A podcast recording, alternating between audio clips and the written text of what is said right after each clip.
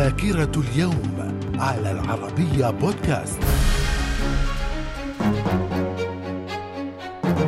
أهلا بكم إلى ذاكرة اليوم الثلاثين من إبريل ففي العام 1789 جورج واشنطن يتولى رئاسة الولايات المتحدة ليكون أول رئيس لها. في العام 1812 لويزيانا تنضم إلى الولايات المتحدة لتكون الولاية رقم 18 بعدما باعها نابليون بونابرت لأمريكا. في العام 1960 1960 البدء ببيع أول تلفاز ترانزستور في العالم من إنتاج شركة سوني. من الذاكرة. ومن ذاكرة اليوم الثلاثين من أبريل في العام 1975 القوات الفيتنامية الشمالية تستولي على مدينة سيغون مسدلة الستار على حرب فيتنام. في العام 1778 الرحالة الياباني أويمورا ناومي يصل إلى نقطة القطب الشمالي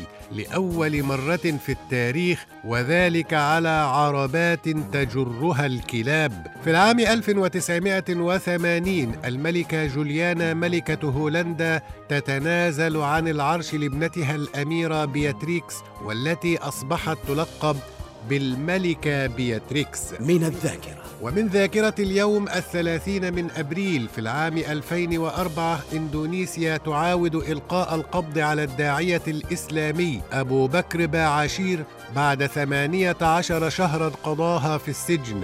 نتيجة ضلوعه في تفجيرات بالي. وفي العام 2014 ملايين العراقيين يدلون بأصواتهم في الانتخابات العراقية وسط إجراءات أمنية مشددة. في العام 2015 المسبار ماسنجر الفضائي التابع لناسا ينهي رحلته التي استمرت أحد عشر عاما في بث صور لكوكب عطارد ويتحطم فوق سطح الكوكب. من الذاكرة. ومن مواليد اليوم الثلاثين من أبريل في العام 1938 يحيى الطاهر عبد الله كاتب مصري وفي العام 1946 الملك كارل السادس عشر جوستاف ملك السويد. من الذاكرة. ومن وفيات اليوم الثلاثين من أبريل في العام 1998